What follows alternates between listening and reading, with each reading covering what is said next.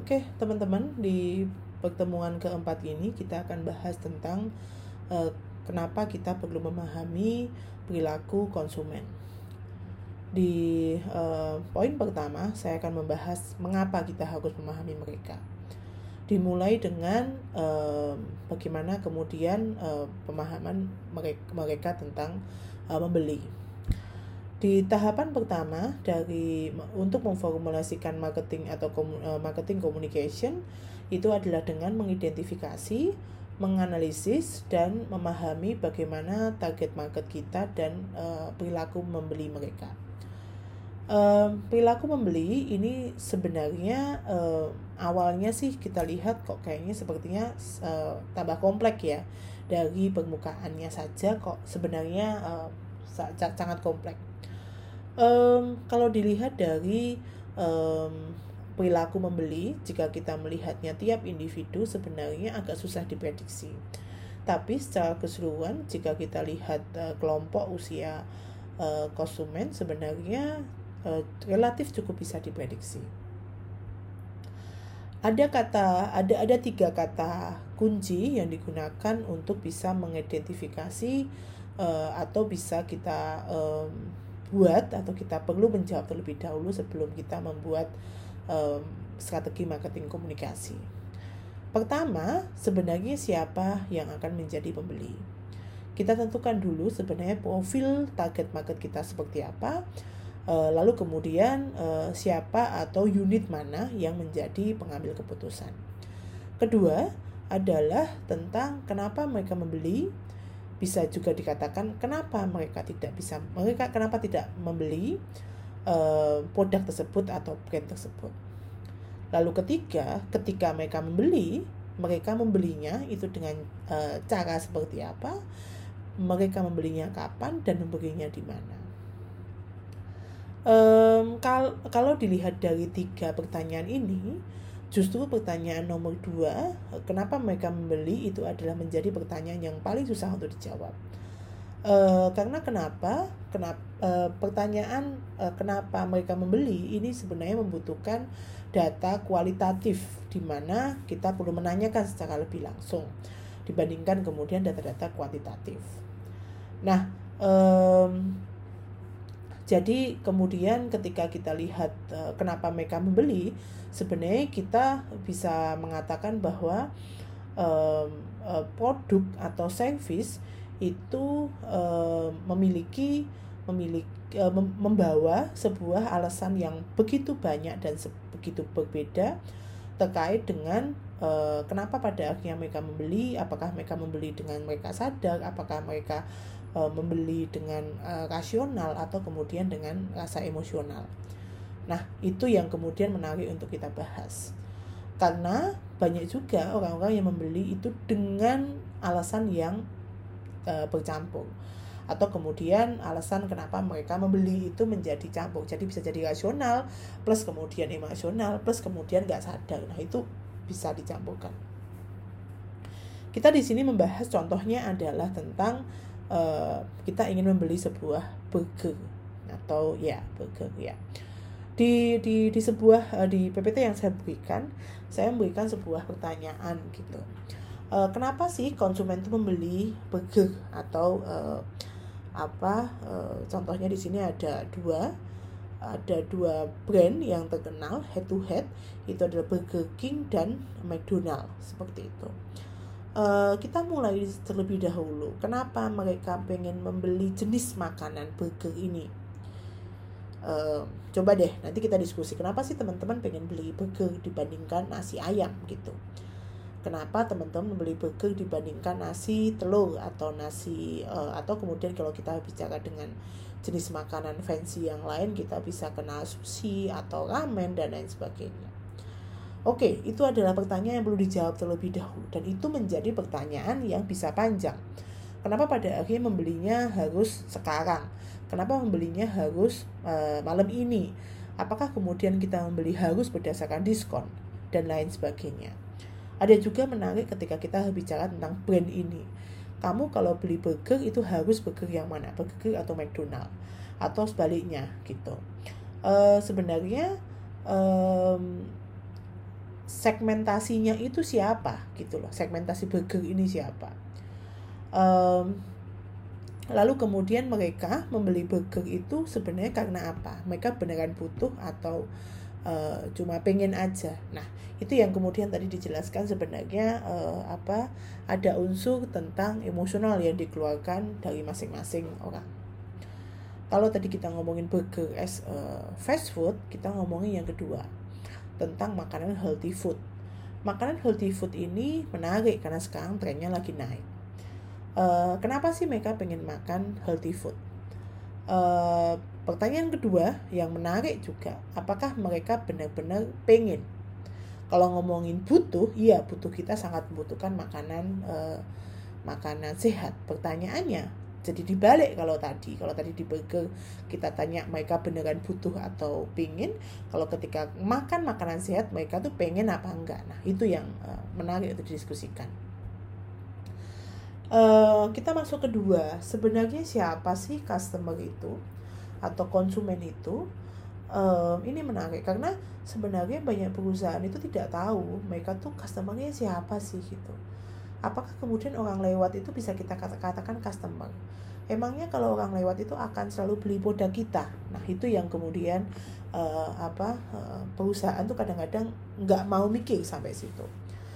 Uh, kalau kemudian mereka perusahaan tuh nggak tahu customernya siapa uh, ya mereka sebenarnya nggak ngerti tuh mereka mau target siapa. Uh, kalau pertanyaannya nggak bisa dijawab. Um, di dalam uh, tapi sebenarnya dalam uh, marketing uh, jika kita tidak bisa mendeskripsikan atau tidak bisa menyebutkan uh, profil siapa sih uh, customer idealnya uh, ya sebenarnya dapat dikatakan perusahaan itu sangat-sangat tergantung pada untung-untungan aja sih. Oh hari ini ada yang beli ya untung lah gitu. Um, jadi um, kalau kita membandingkan dengan kondisi yang lain perusahaan-perusahaan besar uh, dan tim-tim marketingnya mereka itu memilih uh, mereka tuh menghabiskan waktu menghabiskan tenaga untuk melakukan penelitian uh, dan menganalisis secara lebih lanjut sebenarnya itu siapa target market mereka. Nah uh, termasuk kemudian uh, apakah produk itu menjadi kebutuhan mereka? Ap, uh, mengapa kemudian mereka membeli dan yang terakhir adalah uh, bagaimana mereka membeli ini untuk menentukan nanti kita akan mengedarkan produk kita di uh, merchant mana. Apakah kemudian uh, apa apakah semua produk harus dijual di Tokopedia atau Lazada? Atau jangan-jangan uh, menariknya di lapak-lapak Alfamart atau Indomaret justru laku. Nah hal-hal seperti ini yang perlu kita uh, bahas jika kemarin di pertemuan awal saya membahas tentang uh, sosial media, uh, pembahasan menarik tentang sosial media itu bahkan sampai tahap go offline and online, go wherever and whenever customer go. Jadi sampai tahap gimana? Kalau kamu sudah tahu customermu siapa, customermu, uh, kamu harusnya bisa melakukan tindakan ya silahkan mau menargetkan customer itu ada di online atau offline. Bahkan kemudian customer mau ke mana ikuti seperti itu. Itu yang kemudian uh, apa uh, menarik untuk dibahas tentang uh, customer. Kalau kemudian pertanyaannya customernya aja nggak tahu gimana sampai uh, apa namanya uh, bagaimana kalau mau melakukan uh, target atau fungsi-fungsi marketing communication seperti itu. Nah, itu yang perlu dijawab terlebih dahulu kenapa kita perlu mengetahui profil ideal dari customer kita. Berikutnya, tadi kita bahas tentang decision making unit. Unit-unit apa yang kemudian um, mengambil keputusan dalam membeli produk. Um, jadi contohnya seperti ini. Ada banyak individu-individu atau orang-orang yang sebenarnya membeli itu karena e, berdasarkan keputusan orang lain. Contohnya yang sangat terkait adalah ketika e, sebuah produk e, kita mengatakan air kok air sih e, susu formula untuk anak kecil. Susu formula itu kan sebenarnya target marketnya adalah anak kecil kita bisa mengatakan oke okay lah kita ngomong khusus formula usia 1 sampai 10 lah gitu. Tapi usia 1 sampai 10 tapi siapa yang mengambil keputusan? Ibunya. Nah, kalau seperti itu berarti kan kita harus mikirin nih gitu. Kita harus mikirin apakah kemudian um, apa pengambil keputusan itu yang punya kuasa atau kemudian anak kecil yang punya kuasa.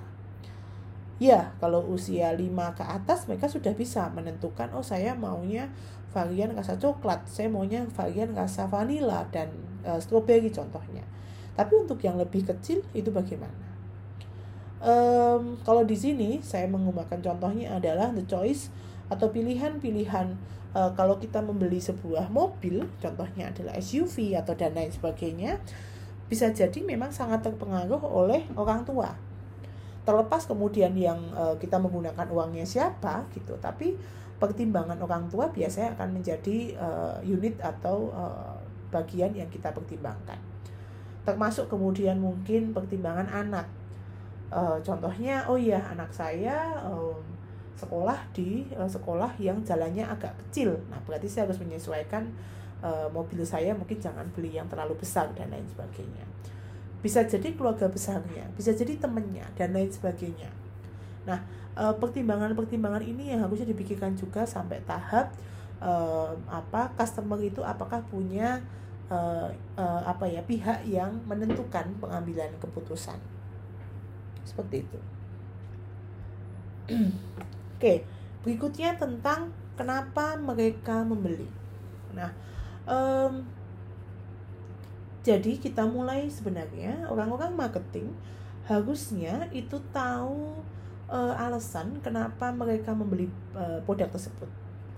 Um, harusnya mereka um, lebih tahu dibandingkan customernya karena um, apa ya uh, karena beberapa customer even atau bahkan tidak tahu kenapa sih mereka benar-benar pengen beli produk tersebut um, apa namanya uh, nah hal ini yang kemudian harus diketahui oleh para manajer uh, para marketing seperti itu karena memang yang tadi saya sudah bahas membeli itu sangat terkait dengan sesuatu alasan yang kadang-kadang dapat diambil ketika sadar, ada yang diambil ketika eh, secara secara uh, tidak sadar. Contoh yang paling sering kita lihat adalah ketika ada tulisan sale warna merah sangat besar di tengah toko. Tulisannya mungkin butuh 5 sampai 10 meter gitu. Nah, itu kan berarti unconscious kita atau alam bawah sadar kita itu langsung bereaksi untuk segera membeli padahal we apakah kita benar-benar butuh dan lain sebagainya. Nah, eh, beberapa alasan eh, bisa jadi menjadi sangat penting uh, dibandingkan segmen yang lain. Tapi bisa jadi alasan-alasan rasional itu lebih masuk akal.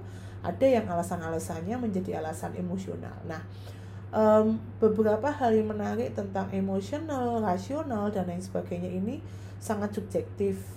Uh, saya sendiri ketika melihat beberapa kasus ketika orang membeli barang berdasarkan sesuatu yang tidak uh, apa ya tidak terkait dengan kualitas itu bisa dikatakan dia membeli karena emosional.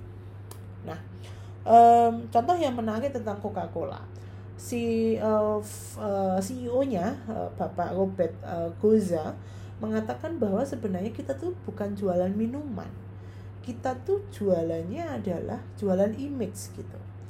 Uh, saya nggak tahu ya gitu, cuman saya sendiri bukan pengguna uh, apa uh, saya bukan penyuka minuman coke gitu.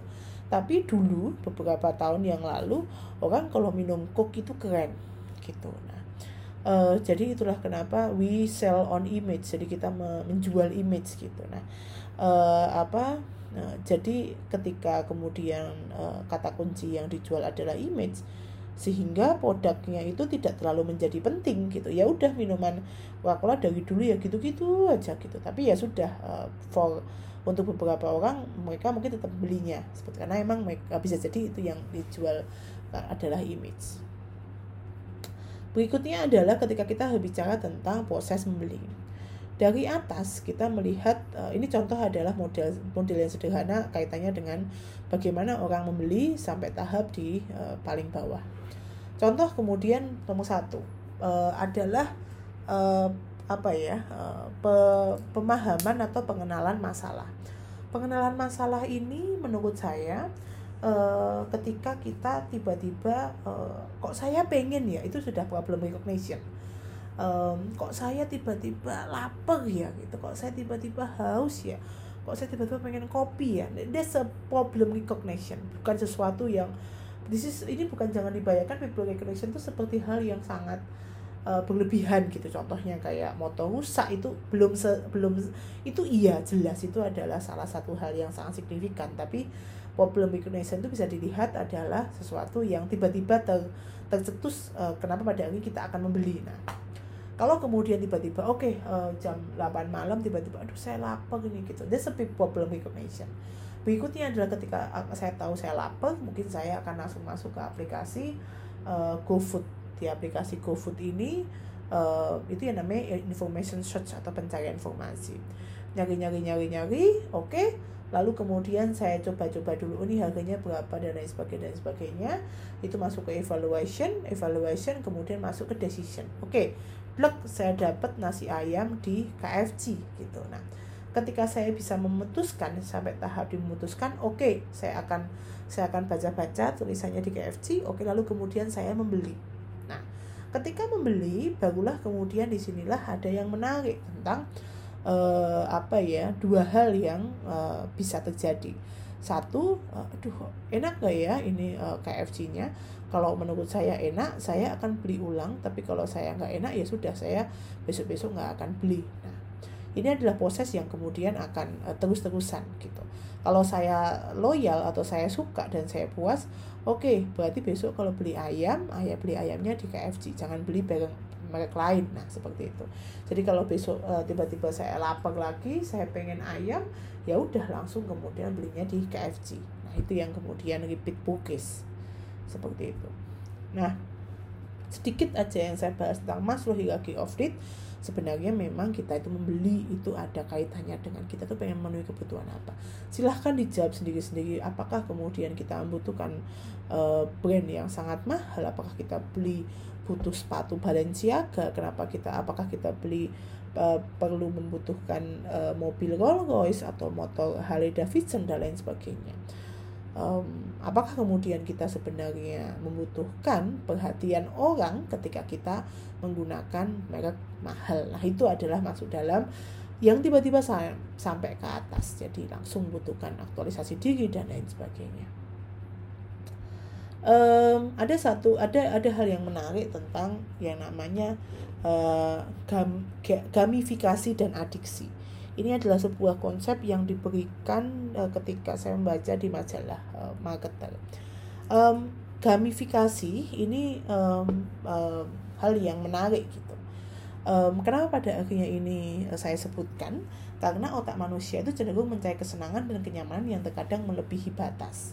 Nah, uh, seneng tapi pengennya terus-terusan gitu, jadi uh, nggak nggak nggak berhenti-henti. Kecenderungan ini bisa dimanfaatkan oleh para marketer kayak kita, pemasak sebagai pintu masuknya engage dengan konsumen.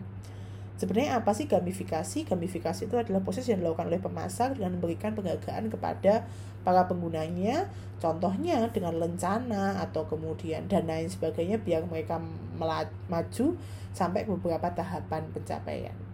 Contoh-contohnya, lencana dan tingkatan diberikan setelah pengguna membuat konten, menonton video, meninjau produk, terlibat dengan komunitas, dan lain sebagainya. Uh, biasanya sih kalau contohnya di sini saya memberikan contohnya youtuber mendapatkan silver, uh, gold, platinum play button dari YouTube. Lalu kemudian kalau main game berarti kemudian oh ya dia menang game, lalu kemudian naik level. Uh, kalau dulu uh, dan saya penelitian tentang uh, main Dota Dota 2 kemudian dapat MMR atau poin yang lebih besar. Itu namanya gamifikasi. Nah gamifikasi itu sebenarnya sangat terkait dengan adiksi. Nah yang kenapa pada akhirnya itu menarik? Uh, closing saya di sini sebenarnya adalah hal yang sangat dekat dengan kita. Um, pada akhirnya kita tuh um, mendapatkan reward yang uh, kita terima setelah kita mengkonsumsi sesuatu uh, rewardnya pertama kita uh, kalau tadi kita dapat play button atau kemudian silver play button atau kemudian menang MMR di Dota 2 dan lain sebagainya ya itu yang namanya uh, ketika kita senang itu kita, otak kita mengeluarkan hormon dopamin. Hormon dopamin itu adalah salah satu hormon uh, kesenangan atau bahagiaan ya itu normal pertanyaannya kalau kemudian uh, bagaimana kalau minta terus um, secara uh, kita itu otak kita itu mengeluarkan hormon dopamin, dopamin ketika kita um, suka atau bahagia ketika kita belanja ketika kita memenangkan sesuatu ketika kita memakan makan sesuatu yang enak bahkan kita juga mendapatkan hormon dopamin ketika kita mengkonsumsi gula dan apa pun apa pun yang kemudian terkait dengan makanan-makanan manis. Nah, itulah kenapa hormon dopamin ini sebenarnya sangat uh, adiktif atau nagih atau bahkan tahap yang bisa sampai keracunan uh, keracunan dalam artian uh, tidak bisa berhenti dan lain sebagainya. Nah ini hal yang menarik dan uh, um, uh, saya berharap setelah ini ada diskusi yang uh, menarik tentang pentingnya memahami atau uh, me melihat lebih lanjut bagaimana perilaku konsumen. Sampai ketemu di diskusi ya. Uh, goodbye.